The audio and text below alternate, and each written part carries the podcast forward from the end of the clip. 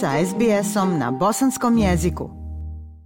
Slušate SBS program na bosanskom jeziku. Ja sam Aisha Hadži Ahmetović. Poštovani slušalci, tokom svog boravka u prvoj domovini Bosni i Hercegovini, posjetila sam i Sarajevo i evo nalazim se u društvu novinarke Bosansko-Hercegovačke radiotelevizije Semre Duranović-Koso, koja je dugogodišnji saradnik SBS-a čiji vam je glas dobro poznat i koja nas redovno informiše o najvažnijim političkim i društvenim događajima u Bosni i Hercegovini. Semra je veliki profesionalac.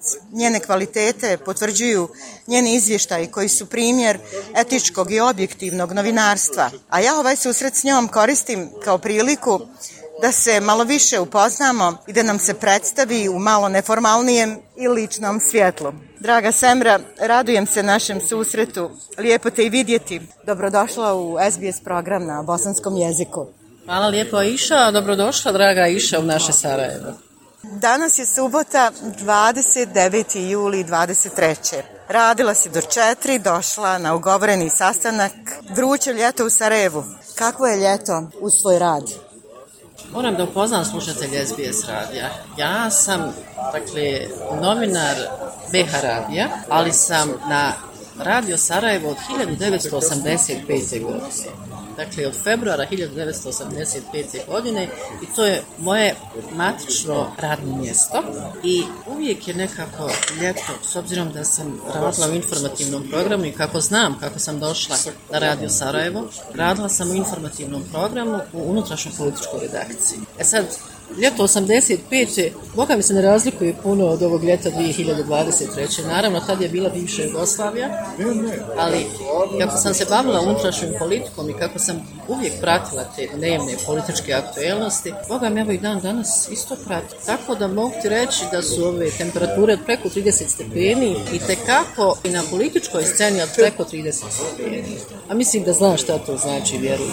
Čak ja ne mislim da će ovi sad naši političari iskoristiti august za godišnji odmor. Oni već najavljuju tamo od 25. augusta ponovo vrući nastavak ovog ljeta sam htjela da Semra kaže nešto ovako možda malo više privatno, više o sebi. Kako bi se Semra predstavila našim slušalcima?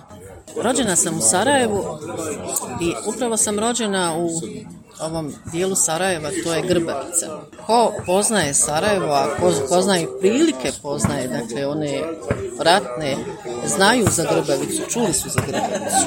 To je bio dio glavnog grada Bosne i Hercegovine koji je bio okupiran od 92. do 95. godine kada je u februaru mjesecu bila reintegracija Grbavice. Vjerujem ja iše, ja sam, kada sam izašla za Grbavice, to je bilo ljeto. Moj dio, ja sam bila na Grbavici 2, moj dio nije bio okupiran, ali samo dva dana nakon toga pripadnici takozvane Vojske Republike Srpske su ušli u taj dio.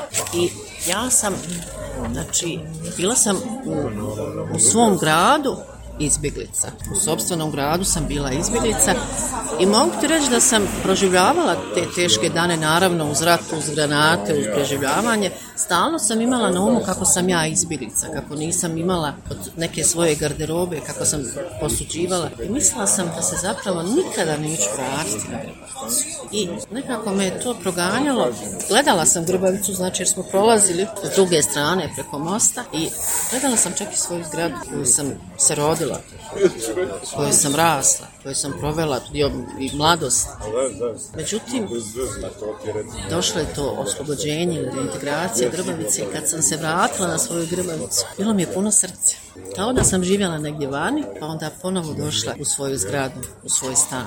Tako da kažem, ti rođena sam u Sarajevu, provela sam svo, svo vrijeme rata u Sarajevu, evo, dan danas živim u Sarajevu. Sad hoću li umrijeti u Sarajevu, to već ne znam, ali to nadam se da neću skoro umrijeti. Ne daj Bože. suprug Damir, kćerka Selma. Da, suprug Damir, eh pa suprug Damir je meni bio kolega na poslu. Znači njega sam upoznala na radiju Sarajevu i prije rata. On je bio tonski snimatelj, ja sam bila tad već novinarka. I tako, mi smo se poznavali, naravno družili smo se kako su bile smjene i kako sam ja radila u desku i on kao tonski snimatelj. Družili smo se, pili smo kafu, ali to naravno sve na poslu. I onda je krenuo rat. I mi smo imali smjene na radiju, te smjene koje su trajale po 24 sata. Jer smo trebali da dođemo do radio televizije, tada Sarajevo, pa onda radio televizije Bosne i Hercegovine. I kako se naravno vodilo računa da smjena odradi svoj posao, onda smo po 24 sata dežurali. I sticajem naravno okolnosti, pošto je i moj suprug Damir radio, e onda smo se mi malo češće počeli družiti, pa smo malo pričali, pa smo malo malo čijukali, pa smo zapravo vidjeli da se mi jako dobro i poznajemo. Pa smo počeli razmenjivati tako neka, neka mišljenja, pa neke zgode, pa nezgode. Pa smo zapravo vidjeli da mi jedno drugo odgovaramo. I onda je to prijateljstvo preraslo u ljube i mi smo se vjenčali 94. 5. oktobra 94. godine i nakon toga 98. godine sam dobila kćerku, to je jedina jedinica, moja kćerka Selma. 98. je ona rođena, ona je sada studentica na masteru u Ljubljani, trenutno je ovdje u Sarajevu, naravno pošto je raspust. I Damir, ja smo zajedno opšte je mjesto da je poziv novinara ne samo izuzetno odgovoran, nego i stresan. Semra, gdje pronalaziš oduška? Šta te ispunjava? Čime ti puniš baterije? A, odlično pitanje. A, vidi, ja sam tebi rekla da sam uvijek, znači od 85. ja sam u informativnom programu i to je zaista, zaista stresan posao, jer ja nisam išla u taj kulturno zabavni, neki vođeni i tako dalje, ili dječji program, ne kažem da nije težak, ali vjeruj mi da taj informativni program stalno ima tu neku presiju, pogotovo kad radiš u desku, pogotovo kad ti radiš informativne emisije, dnevnik ili neke emisije koje su uži živo. Ona stalno vodi šačuna o vremenu, tome da ne provješta termin, o nekom piku koji postoji kad je puni sat, to na radio Sarajevu, na, pa onda na radio Bosne i Hercegovine, danas na BH radio jedan postoji onaj pik, pa kaže na, pet, na peti znak tačno je 14 sati. I dakle, to je stalno i to crveno svjetlo koje je u studiju, a ti to također jako dobro znaš, isto izaziva taj neki stres ti sad možeš imati tremu ili ne možeš ili, ili nisi taj tip, ali stalno ti imaš tu neku, neku vrstu samokontrole i uvijek ti je u glavi to hoćeš li, kako ćeš izgurati, hoće li to biti dobra emisija i da se ništa ne desi u realizaciji. E sad kako da, da, da imam neko mentalno razgibavanje? Imam mentalno razgibavanje, ali zajedno sa Damirom. Mi već nekoliko godina idemo na ples. E, idemo dva puta sedmično u plesni klub El Paso, El Paso ovdje u Sarajevu. Pretpostavljam da se radi o nekim latinoameričkim Tako plesovima je. tipa Idemo. salse. Bačata, salsa, onda kubana, salsa kubana i rueda. I to nam je zaista divan trening. Ali ne samo trening um, fizički, da to sada da, da nešto mi ovaj plešeme, ja kažem, kad dođem na čas u Tugel Paso i kad se pusti muzika, mene ništa ostalo ne interesuje. Jer ti tu plešeš, ali te muzika čini, pa sad da li sretno, ali ne razmišljam ni o kakvim problemu. Zato ja kažem, to mi je mentalno razgibavanje. Imam sreću da i dan, htio da idemo zajedno na to, kako imam svog plesnog partnera, plesnog partnera i životnog partnera. I životnog partnera. I tu smo se našli i tu idemo dva puta sedmično i to nam je pravi mi to odušak ili kako punim batir. To mi je nešto naj, najbolje dva puta sedmično. A onda usto volimo da šetamo. Volimo da šetamo, da li ovdje po gradu ili nekad odemo ovdje na Igman, na znači čelu planinu odmah iznad Sarajeva, pa jedan klub ovdje ćemo, eto to je tako. Znači kad si u šumi, bila zelenila i naravno volimo more, da tako ispodljamo na more dva puta godišnje, kad je ljeto, pa i tu desetak dana malo se čovjek odmori i to je to. Da li postoji neka posebna oblast kojom si se željela baviti u novinarstvu, a eto sticajem okolnosti nisi uspjela? Pa nisam uspjela, ali vidi, ja se, a iša, ja se zaista ne kajem što sam od 85. što se stalno bavim tom politikom. Naravno, kada sam počinjala da radim u unutrašnjoj političkoj redakciji, ja sam, ja sam pratila omladinsku organizaciju. To je bio Savjez socijalističke omladine. I pratila sam, dakle, sve ono što, je, što se ticalo omladine, dakle, od svih silnih problema, od zapošljavanja, od školovanja, obrazovanja i tako. Onda vremenom sam se bavila sindikatom, dakle isto savi samostalnog sindikata, pratila sam te aktivnosti njihove i sve ono što je vezano uz radnike, radnička prava i nakon toga opet politička previranja, znači stranke, pa onda sastanci, pa politika, pa parlament, ja ne mogu da sad žalim što nisam nešto drugo uzela. Ta politika i sve ono što se dešava u politici ostaje dio mene. Da. Naravno, to je tvoj svijet. To je moj svijet ja u poslu nastojim da budem objektivna. Niko ne može zaključiti koja je meni stranka, privatno možda ili poslom, ili draga, ili su te ideje možda meni bliske, ili ja bih voljela da je, da je to tako. Ja samo nastojim da budem objektivna i kad nešto izvještavam i kad radim neku emisiju koja je također politička, moj kriterij je biti objektivan, profesionalan. Pitati sagovornika sve ono što, što obični svijet ili slušatelji ili građani bi htjeli voli da čuje od nekog političara, pa makar to bio i predsjednik države ili, ili obični radnik ili, ili poslodavac, meni je zaista cilj da budem objektivna, profesionalna, da izvještavam i da na kraju krajeva, ako mogu da bilo koji način da učestvujem u nekom kreiranju javnosti ili javnog mišljenja. Uprko svim ljepotama i prirodnom bogatstvu naše zemlje, svjedoci smo jedne poražavajuće činjenice, ona je da iz Bosne i Hercegovine u zadnjih deseta godina otišlo skoro pola miliona ljudi, pa i cijelih porodica. Sarajevo nudi jednu bolju sliku. Tvoja porodica je ostala tu. Da li si poželjela ikada da odeš Semra? I šta smatraš najvećom vrijednošću života u Bosni i Hercegovini? Vjerovatno sam mogla otići. Sam ja bila kad je ovaj rat počeo. Ja sam djevojka. Ja znam da me je moja prijateljica nagovarala da idem. Ali ja sam njoj rekla, ali što ću ja vani, čekaj, mislim, gdje ja sad da krećem nešto iz početka? Ja sam novinar.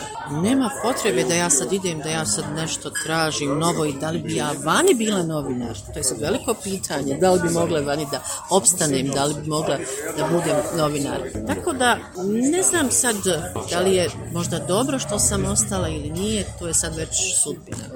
Ja sam ostala ovdje Ne kajem se što sam ostala. Naprotiv, drago mi jer sam sve proživjela. Proživjela sam ovdje četiri, četiri duge, teške godine, ali sam ponosna na sve ono što sam radila i prije rata, u ratu i poslije rata. Sve su to iskušenja. I ima neko gore koji odredi gdje ćeš ti biti, šta ćeš raditi. I uvijek sam rekla samo da smo živi i zdravi. I to mi je nekako najvažnije. Ali moram ti reći da, da recimo to što sam radila u ratu, bila je to jedna emisija, moram se malo samo ne pohvaliti. Pa moram da kažem da sam u ratu radila jednu jako dobru emisiju, pa recimo neko bi rekao propagandna emisija. To je bila emisija Glas u zemlji koja je išla uživo svake subote. To je bila jedna sjajna emisija koja je bila namjenjena patriotama Bosne i Hercegovine. Kad kažem patriotama, ne mislim samo na borce koji su bili na prvoj liniji fronta. Bila je namjenjena svim patriotama koji su Bosnu i Hercegovinu osjećali kao svoju zemlju, kao svoju domu. I to mi je bila jedna sjajna emisija u kojoj su bili izvanredni tekstovi upravo svih tih intelektualaca, ljudi koji su ovu zemlju zaista doživljavali svojom domovinom i koji su zapravo znali da će jednoga dana BiH pobijediti. Kad kažem pobijediti, mislim da će rat prestati i da ćemo opet živjeti, živjeti u miru. U miru. I Eh, za tu emisiju sam dobila nagradu od udruženja novinara To je bilo 1996. godine i kad je završio rat, vrlo malo je još ta emisija živjela. Nakon toga je naravno ugašena. Ona imala svoj smisao upravo u tom ratnom periodu 1992. do 1995. I kažem, dobila sam kao najbolja emisija u Bosni i Hercegovini tada. I kažem, ponosna sam između ostalog. Drago mi je zbog tvoje nagrade i zbog tvog dostignuća i vjerujem da i mnogi ljudi koji su otišli izvan Bosne i Hercegovine, da Bosnu i Hercegovinu uvijek, uvijek nose u srcu i da je vole, bez obzira gdje se nalazili u svijetu, pa i u dalekoj, dalekoj Australiji. Semra, šta bi ti poručila Bosancima i Hercegovcima down under u Australiji?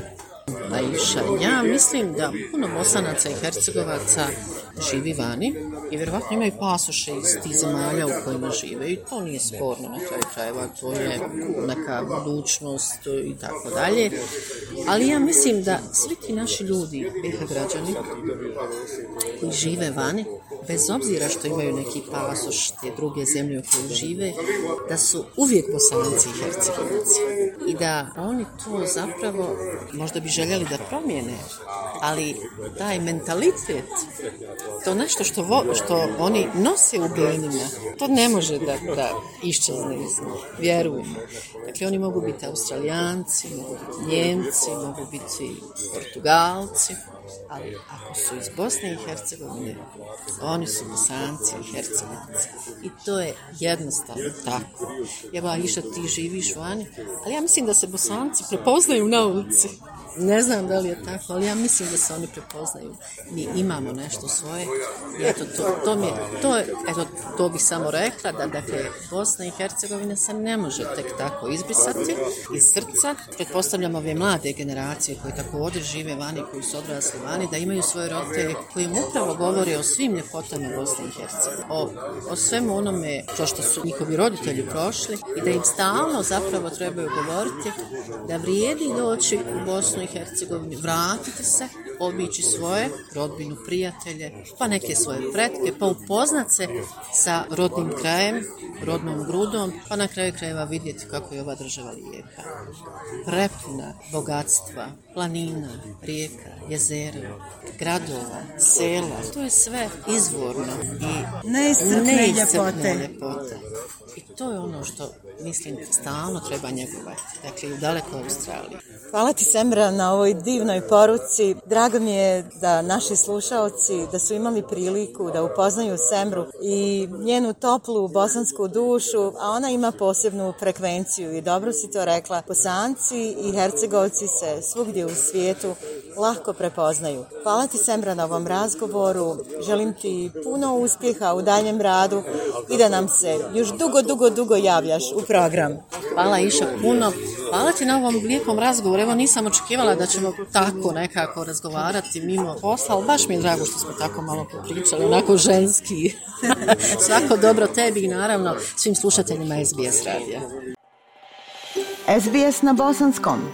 Podijelite naše priče preko Facebooka. Želite poslušati još ovakvih priča?